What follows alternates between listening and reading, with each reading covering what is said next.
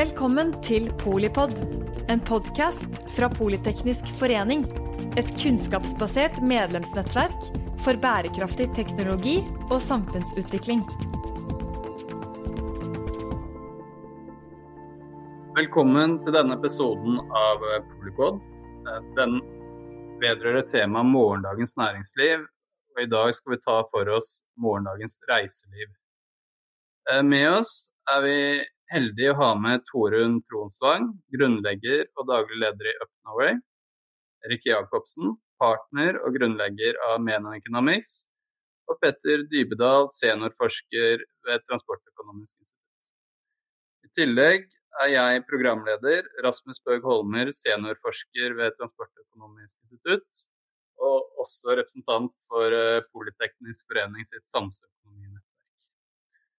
Eh, reiselivsnæringen er jo en eh, næring med om lag 80 eh, milliarder i verdiskapning og 150 000 sysselsatte.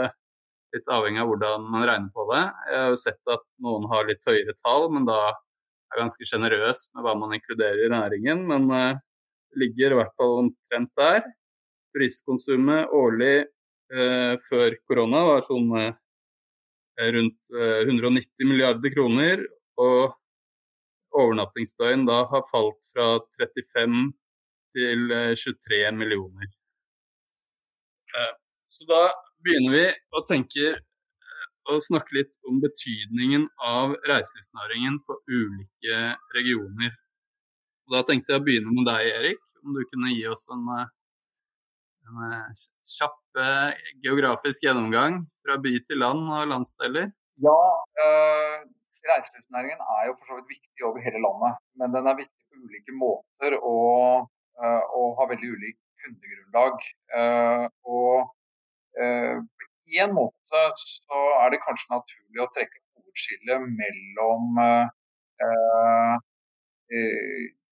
den delen av, av reiselivsnæringen som betjener lokalbefolkningen, og den som betjener mennesker på reise. Det er jo når vi, når vi, bruker begrepet reiseliv, så er det naturlig å, å tenke på folk reise. At det er uh, nordmenn og utlendinger som enten av flere fritidsgrunner eller av yrkesgrunner reiser til et sted og har et forbruk på, på stedet.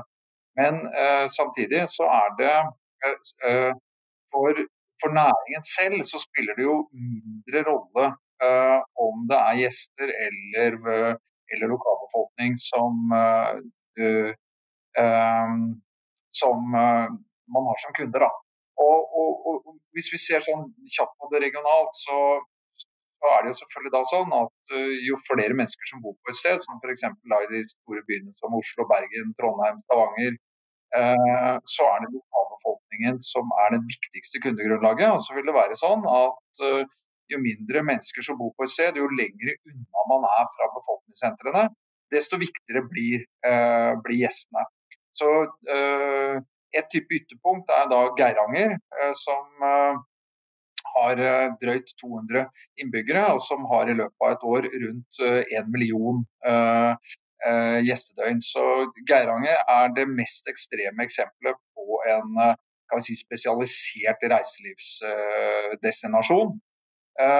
og så har man en, noen typer byer og regioner hvor Eh, hvor du har på en måte altså, alle typer eh, kunder. Hvis du tar f.eks. Eh, Bergen, så er det, jo, er det en, en, sterk internasjonal reiselivsdestinasjon.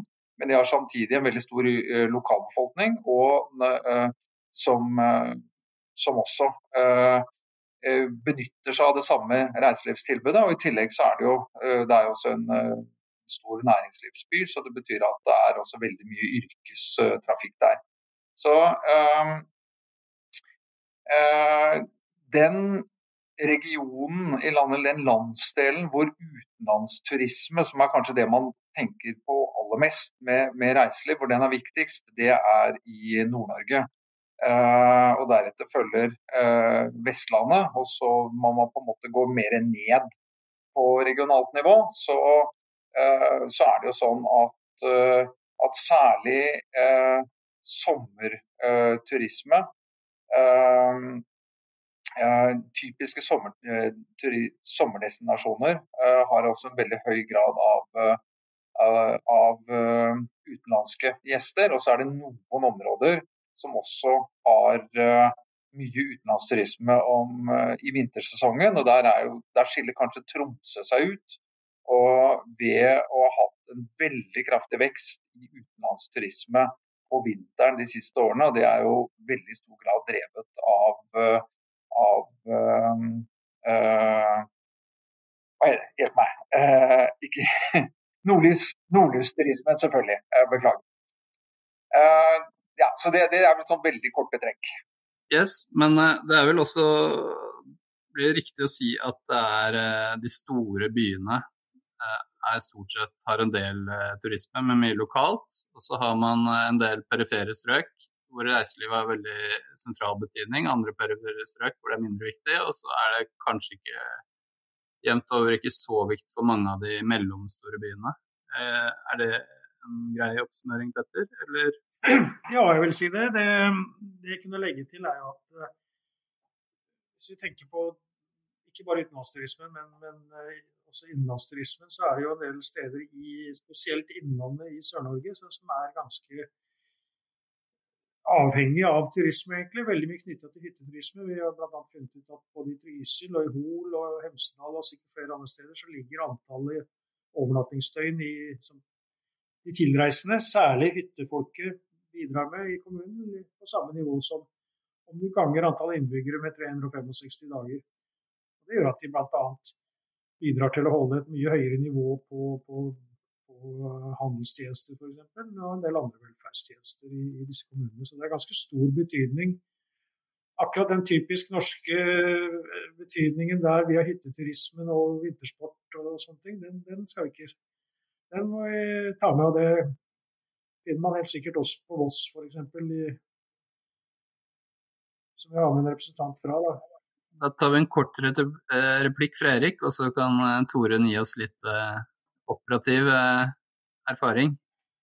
Mm. Jeg hadde bare lyst til å legge til én ting. og det For mange nordmenn så er Sørlandet et typisk si, reisemål. Eh, og Sørlandet skiller seg ut i en norsk sammenheng med for det første at nesten all reiselivsaktiviteten, altså all reell reiselivsaktivitet, altså gjester, det er om sommeren i de tre sommermånedene. Og det er nesten bare nordmenn. Så Sørlandet har egentlig en veldig smal og, og, og litt sånn utypisk reiselivsprofil. Sørlandskysten eh, minus uh, Setesdal og Sirdal, pluss kanskje Kragerø og litt oppover der.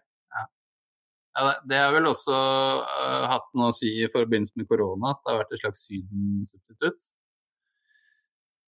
Det går lenger tilbake i tid med Sørlandet. Jeg er helt enig med Erik. Er, Nei, jeg, jeg mener ikke at det kom i korona, men at det, er en, at det har gjort at Sørlandet har blitt rammet annerledes av korona. Jeg tror Sørlandet har blitt rammet mindre av korona.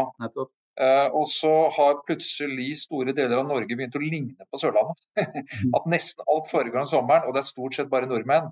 Så plutselig under korona så har hele Norge blitt som Sørlandet. Nå må Torunn få lov å slippe til. Ja, takk for det. Eh, jeg kan jo legge til et litt annet perspektiv som er morsomt å tenke på.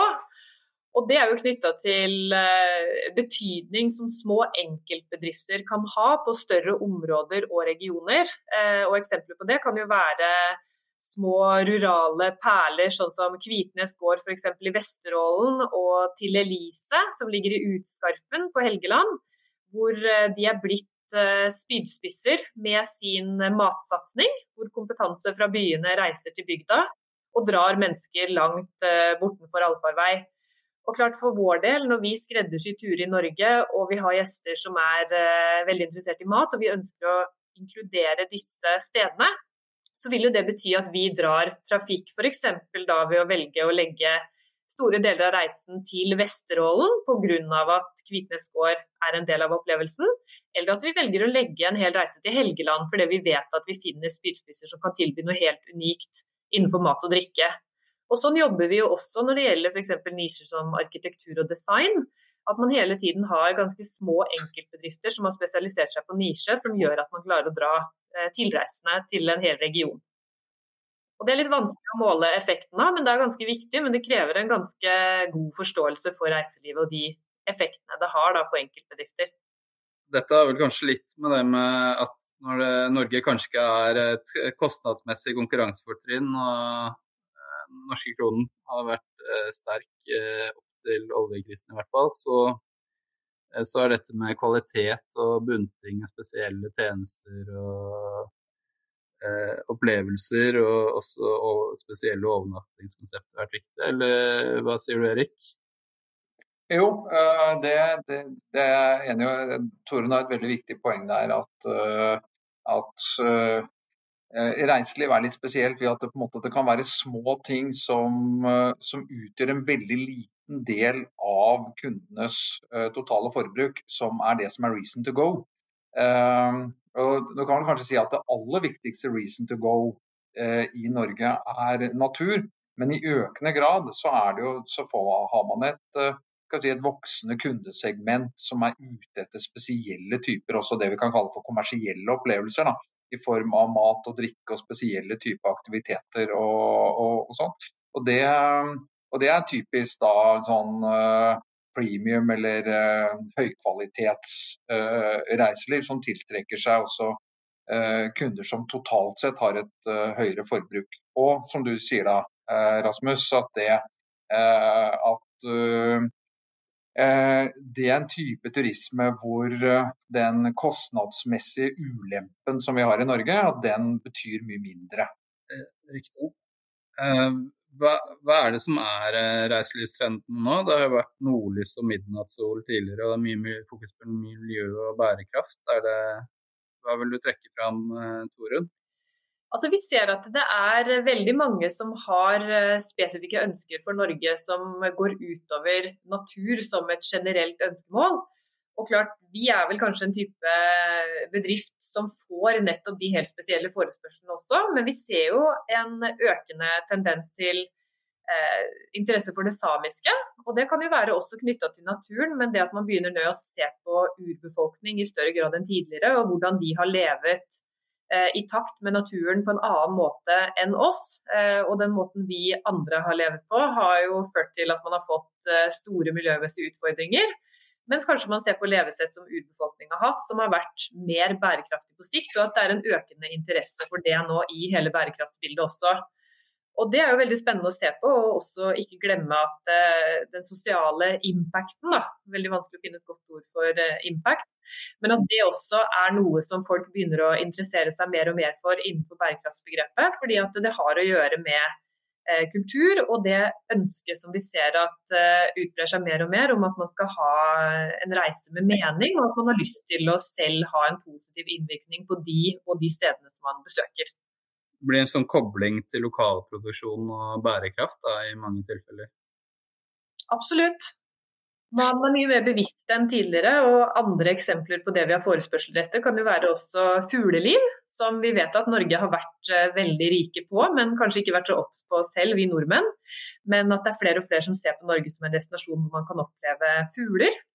Eh, vi har selvfølgelig også mye forespørsler etter de som har lyst til å gå tilbake og utforske sin norske slekt fra langt tilbake. Eh, og så er det veldig mye på arkitektur, design, men som Erik også nevnte, mat i økende grad.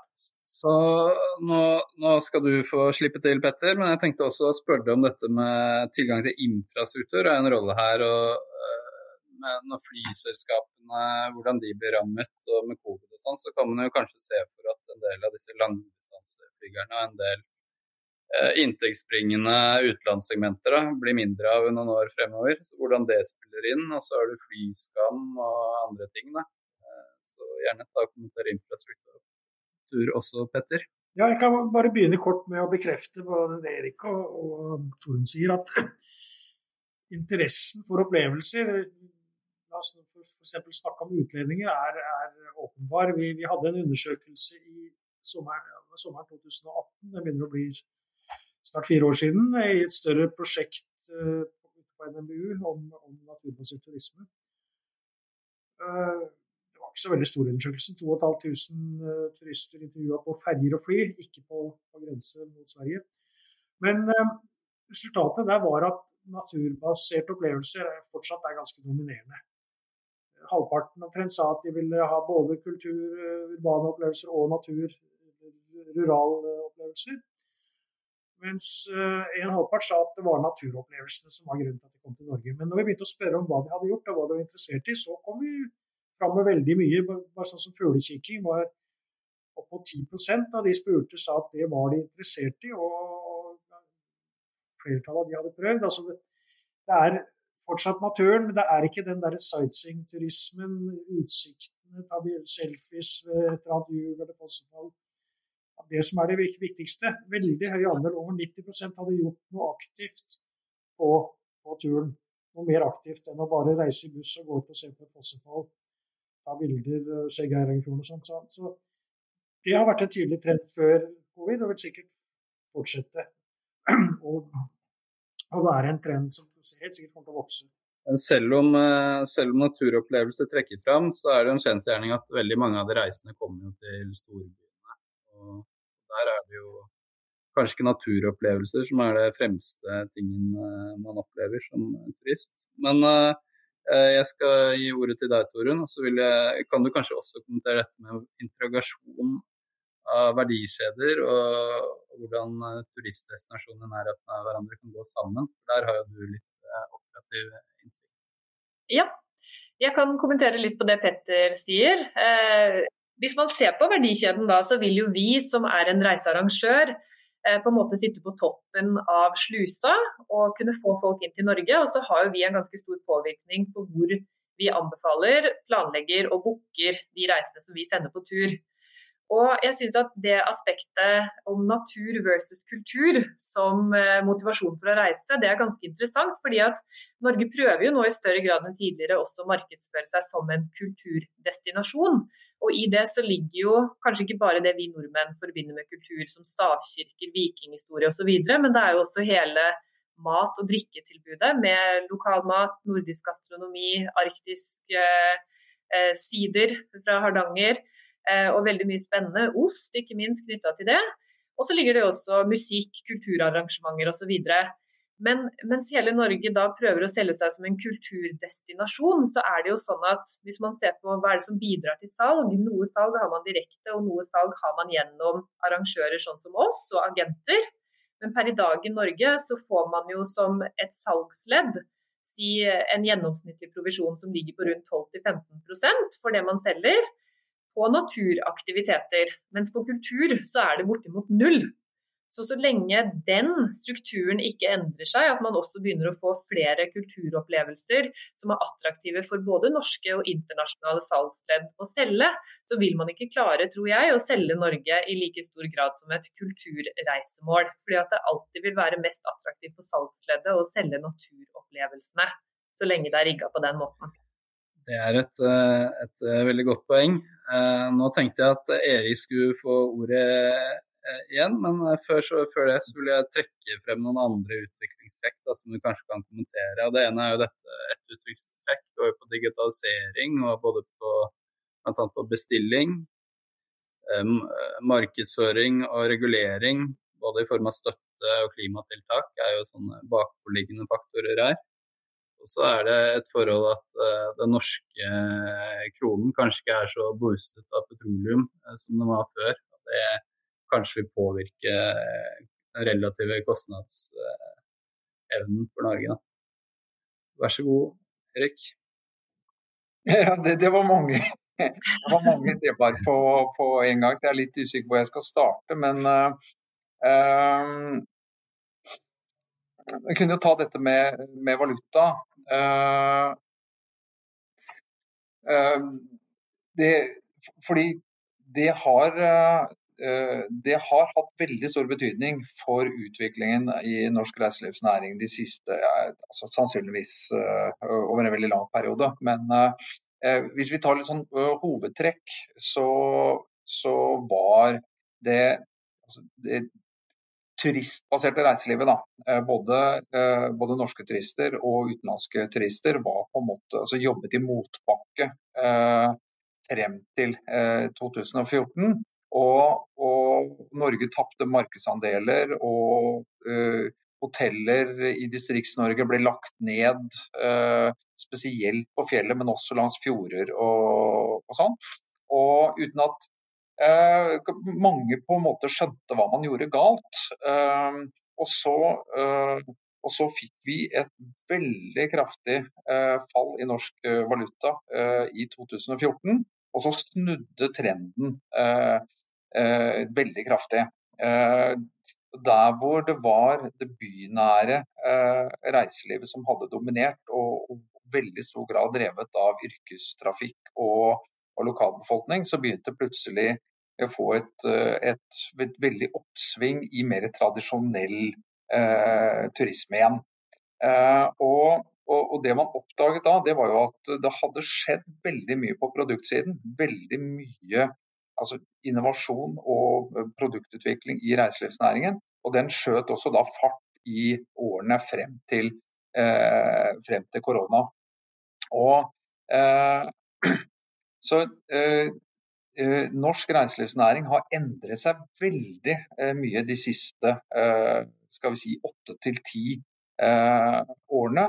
Og, og, det er, en, et, helt, det er et, et, mye større produktmangfold nå eh, enn det var for en del år tilbake. Som også da gjør at, at den, som du sier Rasmus, den betydningen av at Norge har vært et annerledesland og og et veldig høykostland, den er mindre nå.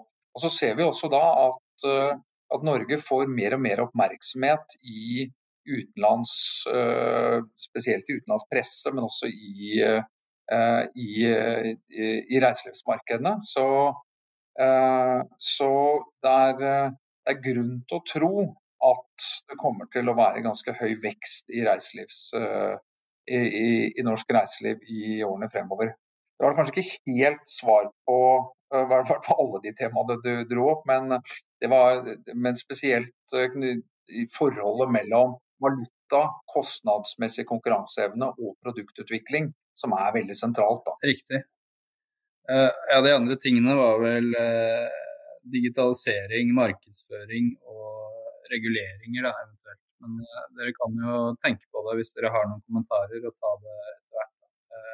Jeg kan legge til litt på det Erik har sagt og knytte det opp mot markedsføring. fordi at Hvis vi skal se på det positive fremover, da, så mener jeg at Norge har et helt fantastisk potensial til å utvikle seg til å bli eh, kanskje verdens mest attraktive reisemål. Og Det er mange ting som ligger til rette for at det er mulig. Det er knytta til bl.a. hvor eh, mye vi oppnår på FNs bærekraftsmål. Det har å gjøre med Global Happiness Index, hvor vi alltid scorer veldig høyt, og en del andre rammevilkår som legger til rette for at vi kan konkurrere på kvalitet, som blir mer og mer attraktivt.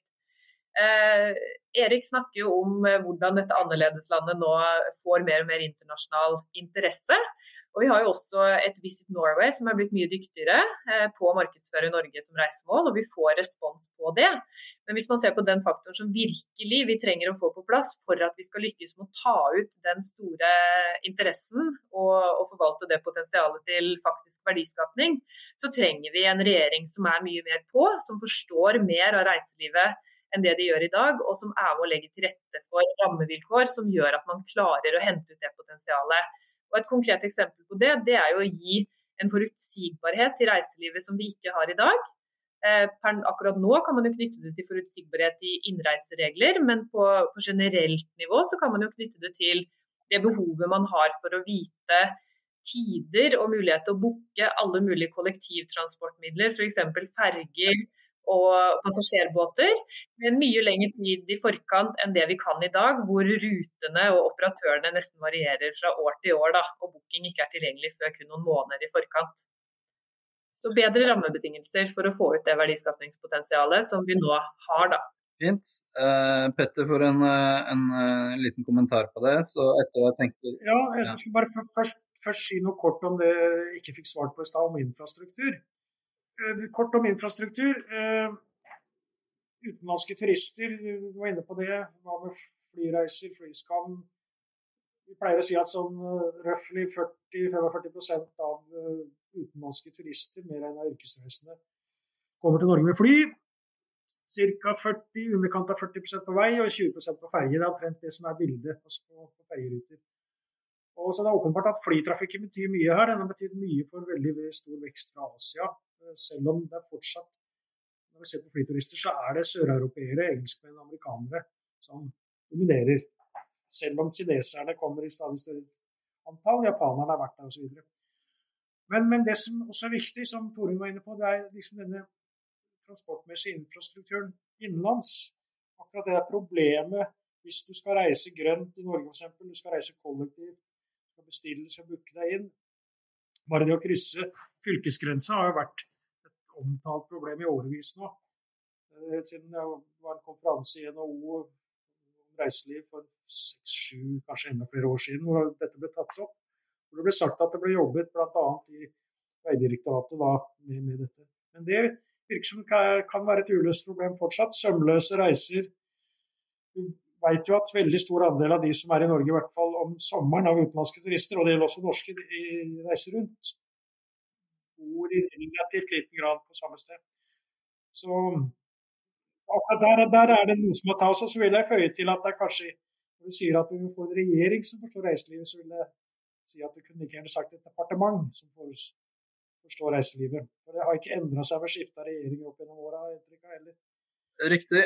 Um, ja, når det gjelder infrastruktur, så er det også et element at uh, luftfartsinfrastrukturen er jo bygd opp på en måte at man skal sluses uh, via Gardermoen og utover det ganske land, istedenfor å flys rett til, til, destinasjoner og sånn. Der er det også et bærekraftelement man kunne vært inn på. Eh, gått inn på. Men jeg, jeg, så litt på dette sammensetning av hvem er det som står for turistkonsumet, egentlig. Eh, ulike kilder på det på forhånd. Da var det ca. en tredjedel lokal, så jeg. Eh, knapt tredjedel norske turister eh, og ca. 20% yrke og 20 utenlands. Sånn, eh, så er det jo sånn at uh, utenlandsturister fram til korona, så var det mye av veksten lå jo der. da. Hvordan vil det se videre ut, eh, Erik? Tenker du? Hvilken uh, turistsegmenter er det veksten vil komme i? Vi tror at, at det er én kundegruppe som kommer til å skille seg negativt ut i, i årene fremover. Og, og, allerede har gjort det, det er yrkes, uh, yrkesreisende. for det første så Under korona så har det vært et betydelig fall. Og vi tror at det er et varig skift.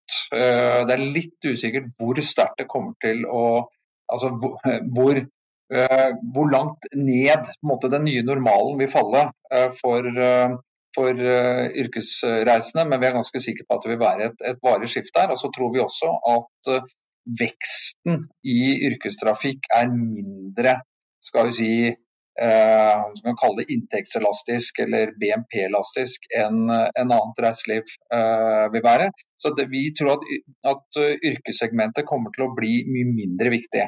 Eh, og Det ser vi også at, at de store hotellkjedene også begynner å rigge seg eh, til en, en, en, situasjon hvor, hvor, eh, hvor ferie-fritidssegmentene eh, vil være viktigere i hele året, ikke bare i de sesongene hvor yrkestrafikken er lav. Eh, så, eh, så tror vi at eh, lokalbefolkningen kommer til å fortsette å være veldig viktig, og kanskje det som vil vokse aller mest. Men, men vi tror også at, at både norske turister og utenlandske turister i Norge vil ha en, en, en høy vekst. Så det er, det er den, den, store forskjellen det går mellom yrke og, og det som er uh, ferie-fritidsbasert. Supert. Føye til at det, akkurat det er jeg helt enig i. Det er sånn vi ser det også. Det er interessant å se at altså på Transportøkonomisk institutt så har man forsket på om, om eh, videokonferanser tidligere og sånne ting kunne overtatt for all denne reisevirksomheten. Jeg har holdt på med 30 år, men det er først nå, plutselig med, med sånne møter som vi har med Teams og Zoom, hvor man på en måte sitter hvert sitt sted og kanskje opplever det på en annen måte. At, at det har satt seg virkelig. Og det kommer, det kommer, til å få store effekter for yrkestrafikken etter hvert. Eller videre. Det, det tror jeg er ganske åpenbart.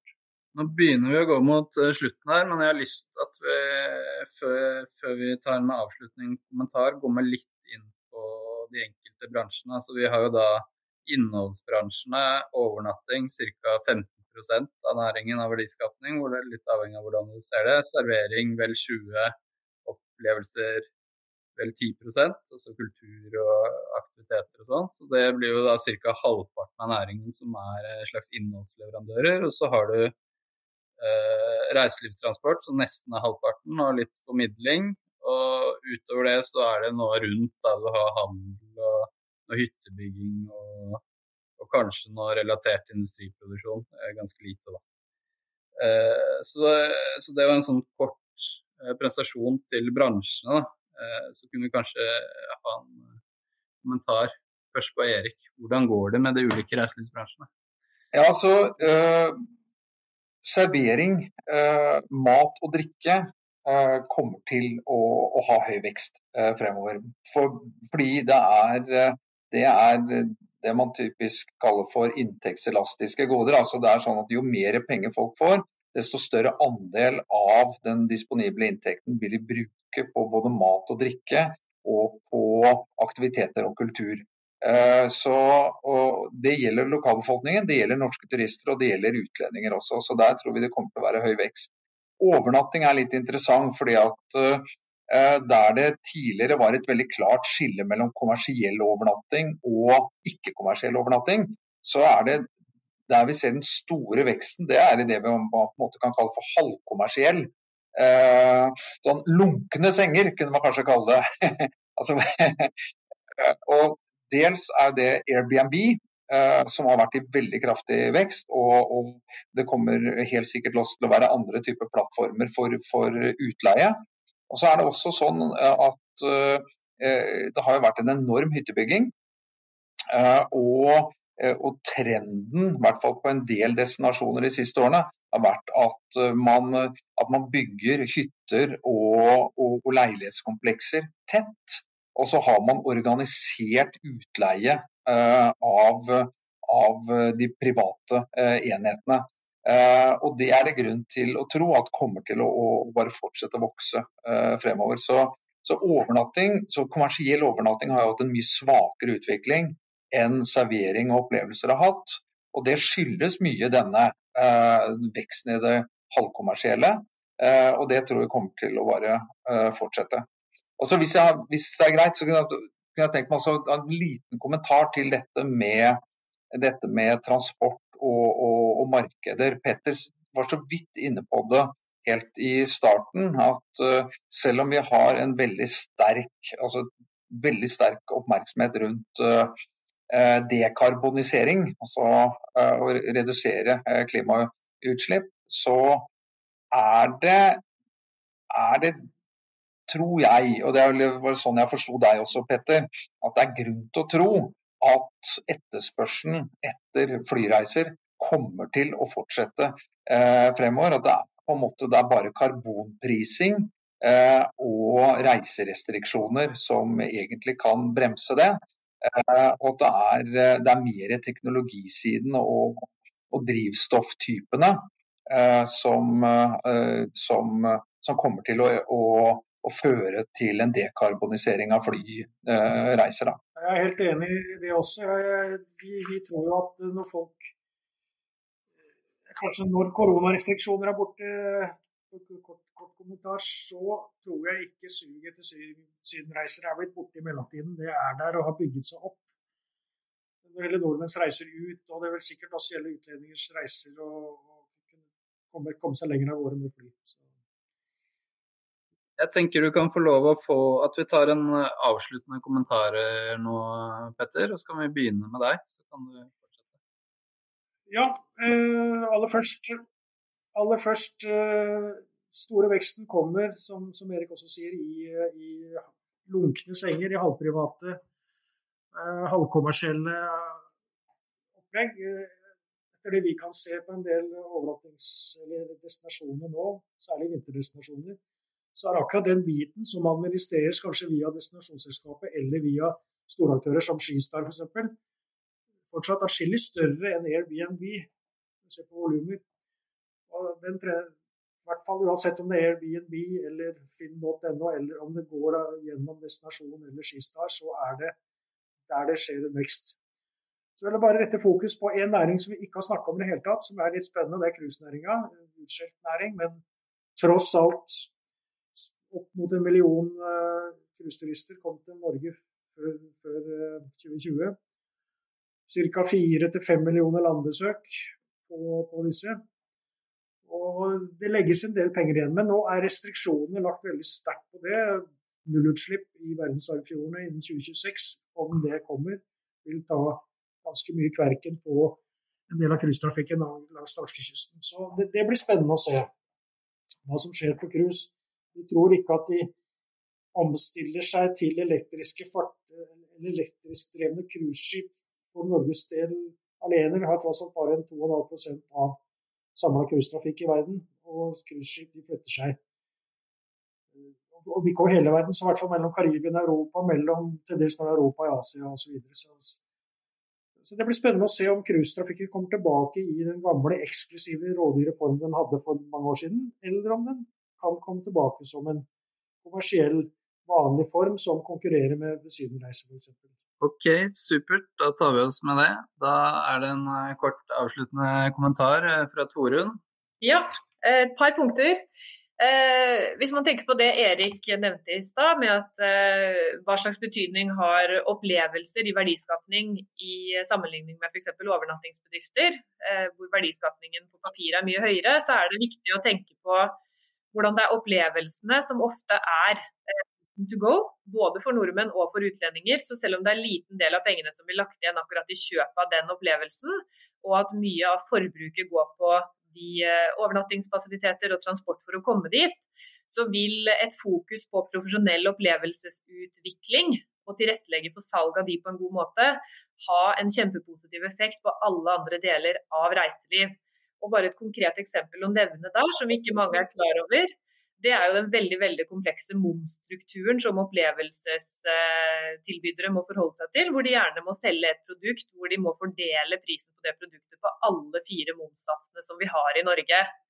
Og Det siste poenget som jeg har lyst til å få med, det er jo også den trenden man ser nå, ikke bare i Norge, men internasjonalt, eh, for å bruke en profesjonell reisearrangør Nettopp fordi at man ønsker å få til eh, en best ever-opplevelse. Man vil ha den beste opplevelsen mulig.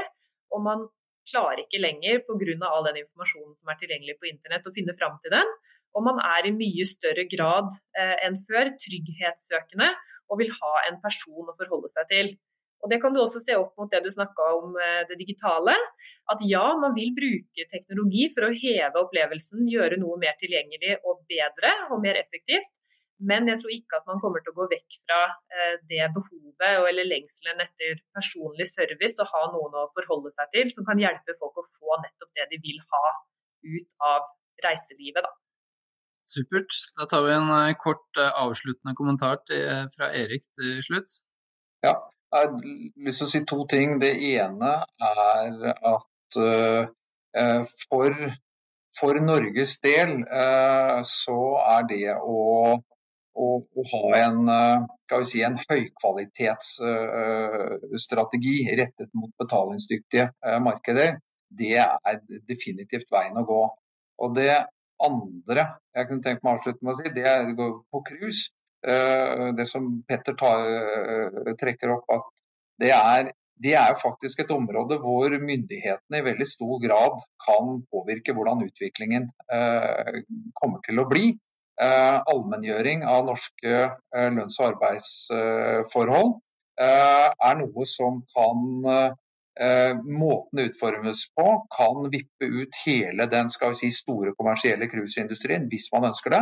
Men man kan også designe det på en måte som gjør at, at det går stikk motsatt vei. At det er høykvalitets uh, i Norge som vil, bli, som vil bli lidende. Så jeg tenker at det at cruise eh, er et område hvor det er virkelig behov for god politikk. God, langsiktig politikk. Supert. Da tar vi oss med det videre. Kanskje det er rom for noe mer på cruise eh, ved en senere anledning. Eh, du har hørt på Politeknisk forening sin eh, podkast Polypod under temaet 'Morgendagens næringsliv'. Tittelen på denne podkasten er 'Morgendagens reiseliv'. Eh, vi takker til Torunn Tronsvang ved Up Norway, Erik Jacobsen ved Menon Economics og Petter Dybedal ved Transportøkonomisk institutt. Mitt navn er Rasmus Bøg Holmen. Jeg er seniorforsker ved Transportøkonomisk institutt og Politeknisk forening eh, sin representant i denne podkasten.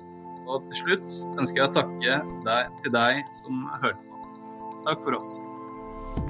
Takk for at du lyttet til Polipod fra Politeknisk forening. Få med deg flere episoder, eller bli med på nettverksmøtene som du finner på at polyteknisk.